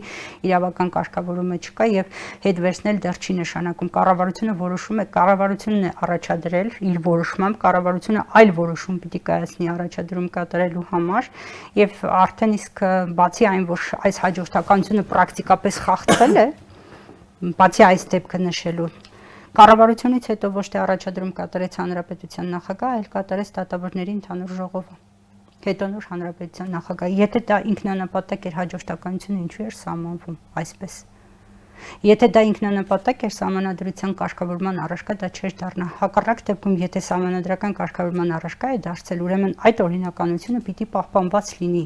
որpիսի չլինի առաջադրած սուբյեկտների հետագայում նաև իրենց կայացրած որոշումների համանadrական օրինականության հարց։ Եվ վերջապես 4-րդ մասի իրավակարգավորումը, որը եւս խնդիր է առաջացնում, որտեղ եթե ուշադրություն դարձրեցիք առաջին 3 մասերում սահմանադիրը օրենսդիրը կոնկրետ ժամկետներ էր նախատեսել, թե որ ժամկետից պաշտոնավարած, որ ժամկետից հետո թափուր առաջացած 7-րդ գլխի ուժի մեջ մտնելուց առաջ 7-րդ գլխի ուժի մեջ մտնելուց հետո 4-րդ մասը սահմանում է ուղիղ որպես ընդհանուր ձևակերպում. Սահմանադրական դատարանի նախագահի պաշտոնավարումը դադարում է որ նախագահի, որ ժամանակահատվածից պաշտոնավարող նախագահի, անգամ գործող բառը չկա։ Ենթադրվում է բնականաբար հասկանալի է, որ սա վերաբերում է Հրայր Թոմասյանին։ այս համանadrական փոփոխությունները ընդունելու պահին գործող նախագահային, բայց համանadrը այդ ժամկետային առանձնահատկում կարգավորումը չի իրականացրել, որը պետք է իրականացնել ըստ որոշակիությունը ապահովելու իմաստով Եվ սա ընդհանուր դրույթ չվերածելու իմաստով, որտեղ հակառակ դեպքում ստացվում է, որ որ նախագահն ընտրվեց համանadrական որ պահին ընտրվեց համանadrական դատարանի նախագահ, այս դրույթի ուժով նրա պաշտոնավարումը պետք է դադարի։ Սրանք խնդիրներ են, որոնք որ եթե այսօր այս ձևակերպումների շրջանակում ելի եմ թողնում կատարվել է փոփոխություն, կատարվել է։ Քաղաքական ուժը մեծամասնություն ուներ, գնաց այս ճանապարհով, գնաց, դա գտնվում է իր համանդրի իրավական պատասխանատվության տիրույթում։ Կատարվել է, փաստ ունենք, իրողություն ունենք, պիտի գնանք առաջ։ Բայց ձևակերպումները լուծումները, դրանց գործնական դրսևորումները գոնե առնվազն այս համանadrական փոփոխությունների ձևակերպումների շրջանակում համանadrական օրինականության խնդիր չպիտի է առաջացնել։ Դա միայն իշխող քաղաքական ուժի խնդիր է, չէ՞ դա երկրի խնդիրն է, դա համանadrական արդարադատության իրականացման օրինականության խնդիրն է, դա համանadrության գերակայության ապահովման խնդիրն է։ Եվ հետեւաբար դրանք այս ձևակերպների շրջանակներում գործնական դրսևորումները պետք է լինեն հնարավորինս անխոցելի եւ օր առաջ դրա ապահովումը ըստ ինձ անհրաժեշտությունը։ Ինչ վերաբերում է անմիջապես համանadrական փոփոխություններից հետո սահմանադրական դատարանի մասին օրենքում փոփոխություններ կատարելուն, որը եւս իր բովանդակային առումով այսօր սահմանադրական դատարանում ստացված իրավիճակի հետ կապված ունի ուղիղ առնչություն մեկնաբանություններ ներկայացվեցին նախաձեռնողների կողմից, որ հիմնականում անցումն է ապահովում այս փոփոխությունների Սահմանադրական փոփոխությունների ապահովում է դրանով նաև սահմանադրական դատարանի բնականon գործունեությունը այն իմաստով, որ այն գործերը, որոնք որոնցով զեկուցողներ են համարվել այն դատավորները, որոնց լիազորությունները սահմանադրական փոփոխությունների արդյունքում դադարում են, անցումը կատարվի, խնդիր չառաջացվի համանadrական դատարան դիմաց սուբյեկտների իրավունքների արգելափակման հետ կապված եւ լուծվի նրանց կենսաթոշակայի իրավունքի անցնելու հետ կապված հարցերը։ Այս փոփոխությունների ուսումնասիրությունը առնվազն ցույց է տալիս եւ այսօր արկա իրավիճակը համանadrական դատարանում, որ այդ անցումը մեղմ ասած անխոցելի չէ, խնդիրներ է առաջացրել Սահմանադրական դատարանի մասին օրենքի փոփոխությունները ընդունվել է հունիսի 30-ին։ Նույն օրը այն ներկայացվեց Հանրապետության նախագահի ստորագրմանը։ Կարող էր լինել, եղել է։ Նույն օրը Հանրապետության նախագահի աշխատակազմը տեղեկություն տարածեց, որ նախագահը չի ստորագրելու։ Կարող էր լինել եղավ փաստը։ Արետ Միրզոյանը ասաց, որ նախագահի աշխատակազմից են հուշել այդ ճանապարհը, փաստորեն պաս են տվել, այսպես ստացվեց լավ նախագահը կարելի ասել իր վրայից նախագահը չստորագրեց. Նախագահը չստորագրեց եւ այն ստորագրվեց համանadrությամբ նախատեսված կանոնակարգումների շրջանակում ազգային ժողովի նախագահի կողմից հրապարակվեց հաջորդ օրը մտավ ուժի մեջ եւ դա 2020 թվականի հուլիսի 22-ն է հուլիսի 22-ին այս փոփոխությունները մտան ուժի մեջ ինչու եմ այս ժամկետը նշում որովհետև ամբողջ խնդիրը նաև այս համանդրական օրինականության հետ կապված նա է, որ անցումը դա է նաև միջազգային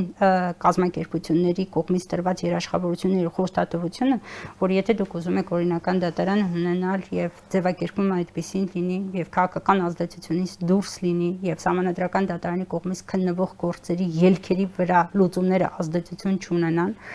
անցումը հնարավոր լինի ապահովել այնպես, որ չարկելափակվի համանդրական դատարան դիմող սուբյեկտների իրավունքները չխախտվեն նրանց համանadrական իրավունքները դրանով, իսկ դուք պետք է անցման этап նախատեսեք, սահուն անցման этап նախատեսեք։ Այդ անցումը ըստ այս փոփոխությունների տրված է հետևյալ լուծման շրջանակում։ Ես ընթերցում եմ բառացի որ քնության ընդունված այն գործերով, որոնցով սույն օրենքի 28 հոդվածի 3-րդ մասում նշված աշխատակարգային որոշմամբ զեկուցող է նշանակվել համանadrական դատարանի այն անդամը դատավորը, որի պաշտոնավարումը դադարում է 2020 թվականի հունիսի 22-ի փոփոխություններով 213-րդ հոդվածի առաջին մասի ուժով, համանadrության 2020 թվականի հունիսի 22-ի փոփոխությունների ուժի մեջ մտնելուց հետո 3 շաբաթյա ժամկետում համանadrական դատարանի նախագահի լիազորությունների ժամանակ ժամանակավորապես կատարողը համանadrական դատարանի դատավորների կազմից նշան, նշված գործերով զեկուցող նշանակելու համար հարցը լուծելու նպատակով հրավիրում է աշխատակարգային նիստ։ Ժամկետին խնդրում եմ ուշադրություն դարձրեք։ 3 շաբաթ։ Հունիսի 22-ի փոփոխությունների ուժի մեջ մտնելուց հետո ուժի մեջ է մտել հունիսի 26-ին։ 3 շաբաթը լրանում է մոտավորապես հուլիսի 17-ին, 18-ին։ Այս օրենքը, որը նախատեսում է ժամկետը անցում ապահովելու համար, զեկուցող դատավորների գործերով այլ զեկուցող նշանակելու համար, ուժի մեջ է մտել հուլիսի 22-ին։ Այսինքն նա նախատեսել է ժամկետ, ուժի մեջ մտնելու փաստը ցույց է տալիս, որ այդ ժամկետը այլևս խախտված է։ Ինչ անցման մասին է խոսքը։ Մենք փաստացի ունենք այն իրավիճակը, որ այս 3 դատավորների ում լիազորությունները դադարեցված է, իդեպ պետք է նշեմ, որ այս փոփոխություններով հստակ գրված է, որ 213-րդ հոդվածի համանդրական փոփոխությունների առաջին մասի հիմքով նախ 3 դատավորների թափուր տեղեր են առաջանում, 1 եւ այդ թափուր տեղերը առաջացել են հենց առաջին մասի հիմքով, այսինքն ժամկետը, որը հաշվել է 12 տարին, հաշվել է մինչև 2018 թվականի ապրիլի 9-ը ընկած ժամանակահատվածի աշխատանքային գործունեության ընթացքը թեկուզ ընդհանուր տևողությամբ։ Ամբողջ տրամաբանությունը կայանում է նրանում, որ համանadrական դատարանի մասին օրենքի, որ եթե լիազորությունների դատարման հիմքով է դաթարում դատավորը պաշտոնավարել, առնվազն դա հստակ սահմանված է համանդրական դատարանի մասին օրենքի 12 հոդվածում։ Առնվազն նրա լիազորությունները դատարելուց 7 ամիս առաջ գործընթաց է սկսվում։ Սահմանադրական դատարանի նախագահը այդ մասին, թե կոնկրետ որ դատավորի լիազորությունն է դատարելու, լիազորությունների դատարեցման հիմքով տեղեկացնում է առաջադրող սուբյեկտին, որ դադարելու է լիազորությունը, սկսեք առաջադրման գործընթաց որ ավարտին հասցնի նաև որպեսի շարունակական լինի եւ ընդհատում չլինի գործերի քննության, բնականon ձևով համանadrական դատարանը աշխատի, Սա ինքնանպատակ չէ համանadrական դատարանի 9 դատավորների կազմով գործի քննության իրականացումը, հակառակ դեպքում օրինակ կորոշվեր նվազագույն շեմ 6 կամ 5 քվորումի ապահովման շեմին համապատասխան, որտեղ 9 դատավորներից թեկուզ մեկի խիստ փաստարկված եւ հիմնավորված դիրքորոշումը կարող է վճռորոշ լինել մնացած բոլոր դատավորների համար վերջնական որոշում կայացնելու համանadrական արդարադատություն իրականացնելու առումով անընդհատություն ապահովի նաև որպիսի համանadrական դատարան դիմող սուբյեկտները իրավունքների խախտումներ իրենց գործերի վերաբերյալ ժամկետների խախտման առումով չունենան այս մասով երբ որ այսպիսի կարճ ժամանակահատվածում իրականացվել է փոփոխություններ, մեկ օրում համանadrական փոփոխություն, օրենքի փոփոխություններ, որը նախատեսում է ժամկետ, որն արդեն իսկ ուժի մեջ մտնելու պահի դրությամբ խախտում է ժամկետը, որովհետև գործընթացը ենթադրաբար պատկերացրել են, որ գործնականում կլինի ավելի շուտ եւ ուժի մեջ կմտնի ավելի շուտ, Դրան ավելանում է Աշոտ Խաչատրյանի կողմից պաշտոնը պարտականությունների կատարմանը չանցնելը եւ ժամկետ բաց թողնելը, եւ մենք հիմա ունենք առավել քան 14 գործեր, որոնցով զեկուցողներ եղել են այս 3 դատավորները, ում անունները հրապարակված է ազգային ժողովի մամուլի հաղորդագրության մեջ։ Այդ գործերով ժամկետները գրեթե սպառված սպառվում են սեպտեմբեր, օգոստոսի վերջ սեպտեմբերի սկիզբ եւ առավելագույնը հոկտեմբեր նշանակված չեն նոր զեկուցողներ, անգամ նշանակվելու պարագայում այդ գործերով գործերի քննության վերջնաժամկետները լրանում են եւ օրենքը չի սահմանում կանոնակարգում չի տալիս, այդ ժամկետը լրանալուց հետո արդեն զրուցեցինք, ինչ պետք է լինի դրանով արգելափակվում են համանadrական դատարան դիմող սուբյեկտների իրավունքները, խախտվում են նրանց համանadrական իրավունքները։ Տիկին Պետրոսյան, դուք այս մասին այն ինչ որ ասում եք, ձեր գործընկերների հետ քննարկել եք սահմանադրական դատարանում ինչ որ աշխատանքային նիստեր լինում են, չեն լինում քննարկում եղել է։ Բնականաբար ես ինձ նաև այս բոլոր հարցադրումները ինչ որ ձեր լեսարանում հիմա ներկայացնում եմ, նախ եւ առաջ ներկայացրել եմ իմ գործընկերներին, որ կան այս խնդիրները եւ նաեւ դրանով եմ պայմանավորել, որ ինչու ես մասնակցելով այդ քննարկումներին, բարձրացնելով այս մտահոգությունները, այս խնդիրները, չեմ տեսնում, որ ես պետք է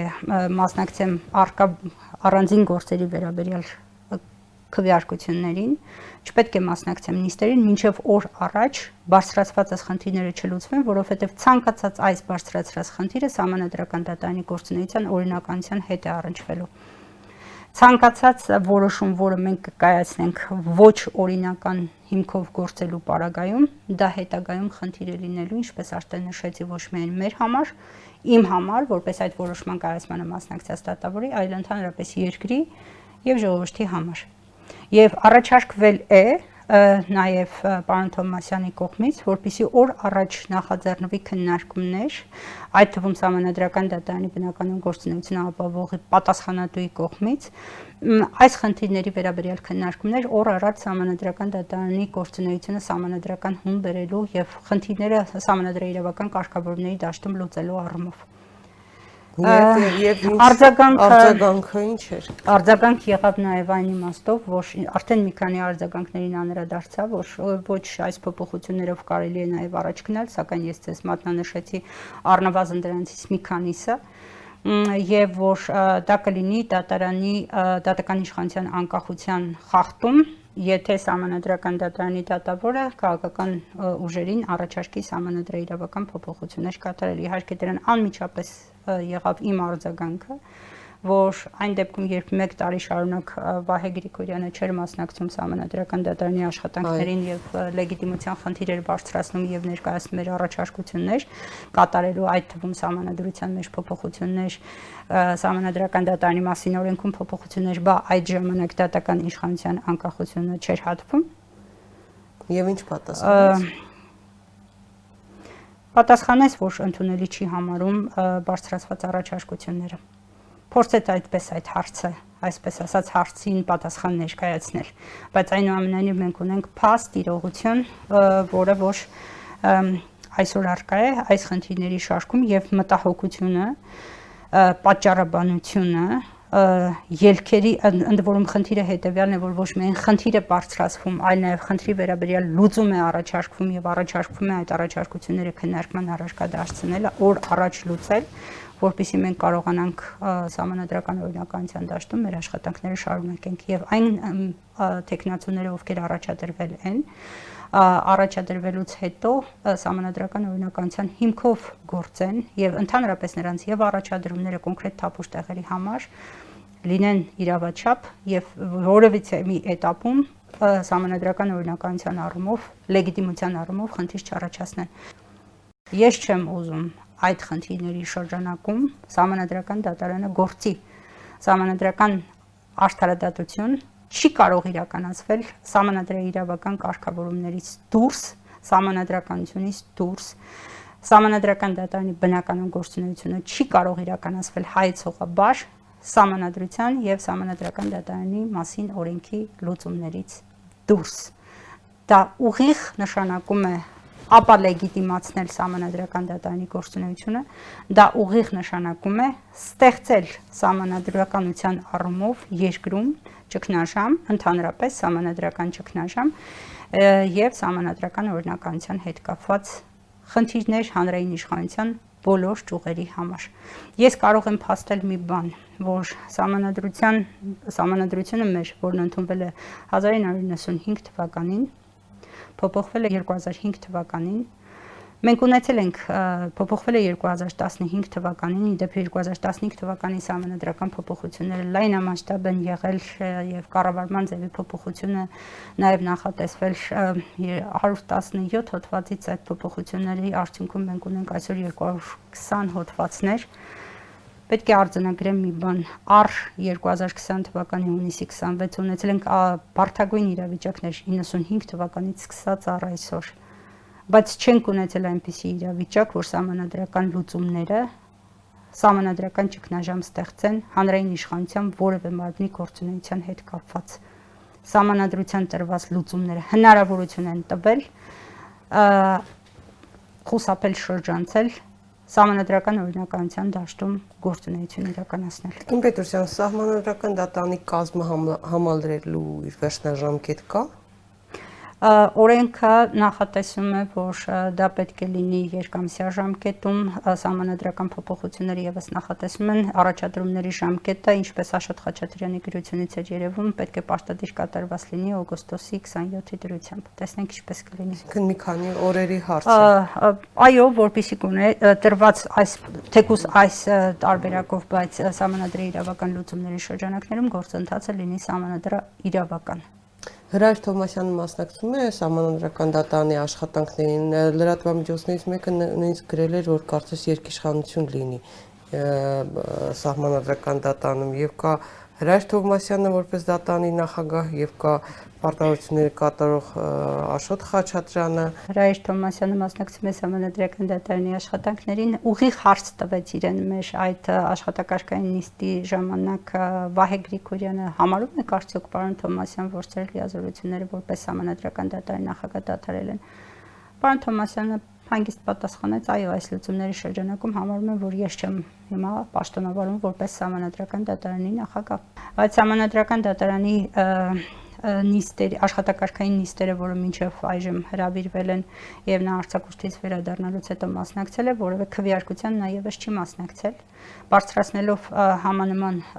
համանadrական լուծում փոփոխությունների լուծումների հետ կապված Ալբինա Քյոլումյանի լիազորությունները չդադարելու հետ կապված, որ նա շարունակում է պաշտոնավարել համանadrական դատարանի օրենքի փոփոխությունների հետ կապված խնդիրներ, մտահոգություններ, այդ թվում նաև համանadrական դատարանի բնականon գործունեության առումով։ Գիտեք, ամենահեշտը կլիներ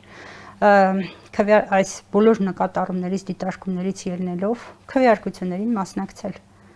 եւ դեմ քվեարկել, քանի որ յուրաքանչյուր դատավոր իր ներքին համոզմունքի, իր պատկերացրած իրավական լուծումների շրջանակներում պետք է հարցերին լուծում տալ, բայց դրանով մենք խնդիրներ կստեղծեինք համանadrական դատարան դիմող սուբյեկտների իրավունքների հետ կապված, քան այն, որ ցանկություն ունենք օր առաջ այս խնդիրները լուծվի համանadrի իրավական լուծումների շրջանակում, որտեղ եթե դեմ քվեարկեինք, այլևս այդ հարցերը օրակարգից դուրս էին գալիս եւ համանadrական դատարանը այդ հարցերի քննարկմանը լուծումներին եւ որոշումների քննարկման ու որոշումների կայացման չի կարող չի կարող լինել որոշումների կայացում։ Հարցը օրակարգից դուրս է գալու։ Ով է դրանից դժալու։ Դժալու է համանդրական դատարան դիմող սուբյեկտը։ Եթե հարցը միայն ձևական քվեարկությանը վերաբերվի, մասնակցել քվեարկությանը, խնդիրը կմնա կմնա համանդրական օրինականության դեֆիցիտի, լեգիտիմության դեֆիցիտի դաշտում։ Տիկին Պետրոսյան իշխանությունները ամեն կերպ փորձում են ունենալ վերահսկելի համանդրական դատարան դա է ցույց տալիս այն ամբողջ գործընթացը, որ երկու տարի շարունակ հեղափոխությունից անմիջապես հետո տեղի ունենում սահմանադրական դատանի շուրջ։ Ըստ որոշ փորձագետների իշխանությունները փորձում են ունենալ կառավարելի լիովին վերահսկելի սահմանադրական դատարան, որովհետև հետագայում միջպետական կարևորության բազմաթիվ փաստաթղթեր, այդ թվում նաև ռազմավարական նշանակության անվտանգության հետ կապված հարցեր, որոնք փաստաթուղթ են դառնալու եւ միգուցե օրենքի նախագիծ են դառնալու կամ համաձայնագրեր են կնքվելու, դրանք սահմանադրական դատանի քննարկման առարկային հետագայում հանդիսանալու։ Նույնը վերաբերվում է նաև Ղարաբաղյան հիմնահարցին, որ որևէ լուծման դեպքում այն կարող է քննարկման դրվել սահմանադրական դատարանում, ինչու ոչ նաև հիմա աշխարհակաղակական տարբեր կենտրոնների դրդմամբ որոշ քաղաքական ուժեր, նաև իշխանության ներսում որոշ ներկայացուցիչներ հասարակական կազմակերպությունների ներկայացուցիչներ անընդհատ քննարկում են եւ այն թեզն են առաջ քաշում, որ Հայաստանից պետք է դուրս բերվի Ռուսաստանի ռազմաբազան, ռուսական ռազմաբազաները, որոնց հետ կա համաձայնագիր։ Հիմա նման հարցերի դեպքում սահմանադրական դատարանն ինչ անելիք ունի եւ եթե որևէ բան փորձեն իշխանությունները փոփոխության ենթարկել կամ առաջ քաշել որևէ փաստաթուղթ, սահմանադրական դատարանն անելիք ունի թե ոչ։ Ձեր հարցադրումից ես կվերցնեմ իրավական ասպեկտը, որովհետեւ դա ուներ ձեր հարցադրումը ուներ ինչպես քաղաքական ասպեկտներ, այնպես էլ իրավական ասպեկտներ։ Այո, նշեմ, որ միջազգային պայմանագրերի մինչև վավերացում ազգային ժողովի կողմից դրանց համանadrականության հարցը պետք է քննության առաջ կդառնա համանadrական դատարանում։ Օրինակ նույն ձևով Ռուսաստանի Դաշնության հետ ռազմական Հայաստանի Հանրապետության տարածքում ռուսաստանյան ռազմակայանի մասին պայմանագիրը պայմանագրի ժամկետի երկարաձգման վերաբերյալ միջազգային պայմանագրի պայմանագրում ամրագրված պարտավորությունների համանդրականության հարցը 2011 թվականին համանդրական դատարանը անդրադարձել է։ Կայացրել է որոշում այդ միջազգային պայմանագրով նախատեսված էր, որ գործողության ժամկետը երկարաձգվում է։ Համանդրական դատարանը այդ որոշման նախագծի այդ զեկուցող դատավորը եղել եմ ես,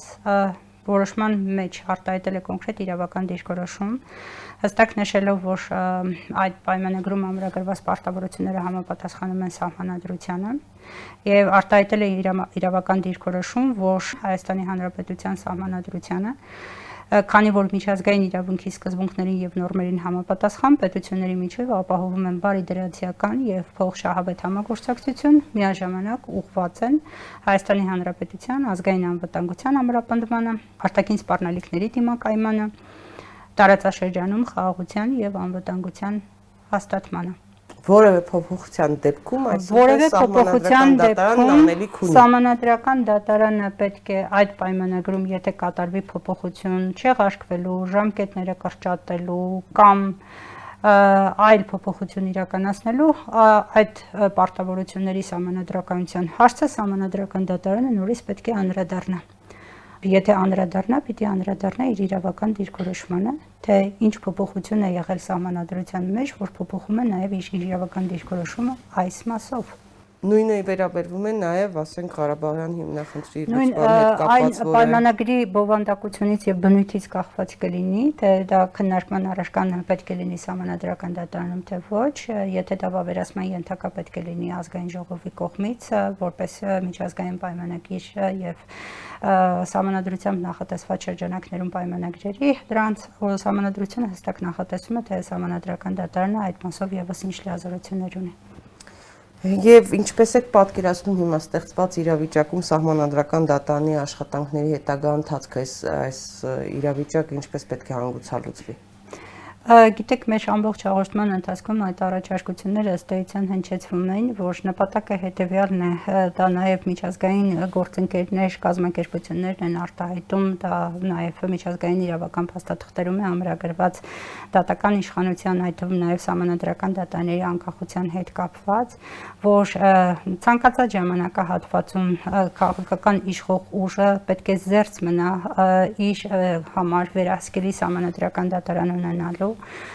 գայթակղությունից եւ դատական իշխանությունը պետք է լինի անկախ դատավորների անփոփոխելիությունը եւ նրանց գործունեության կայունությունը պետք է ուղղված լինեն նրանց որ իրենք կայացնեն անաչառ որոշումներ լինեն անկախ եւ ապահովեն համանadrության գերակայությունը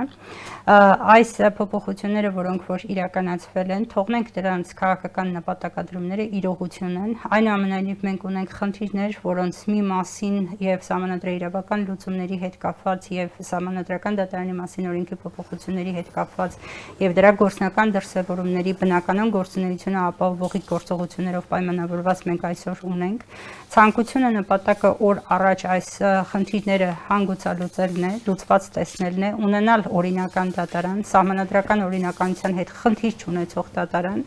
եւ որpիսի երբևիցե որևէ ժամանակահատվածում համանadrական դատարանի կողմից կայացված որոշումները չդառնան խնդիր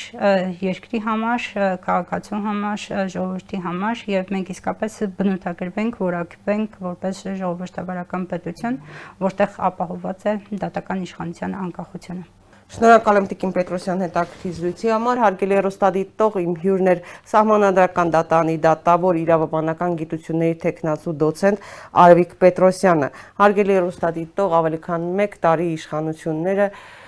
իրենց բոլոր ելույթներում նշում են, որ սահմանադրական դատանում կա ճգնաժամ, երկրում կա սահմանադրականության ճգնաժամ այդ թվում Վահե Գրիգորյանը իշխանությունների սիրելի դատավոր, սահմանադրական դատանի դատավոր Վահե Գրիգորյանը։ Ահա եւ ստացանք ճգնաժամ եւ փակուղային իրավիճակ սահմանադրական դատարանում, ինչպես նշում են մասնագետները, կան լուծումներ, առաջարկներ են արվում։ Փորձում են իշխանությունները օգտվել այդ առաջարկներից, կօգտվեն, կտեսնենք ապագայում։ Հաջողություն ձեզ։ Thank you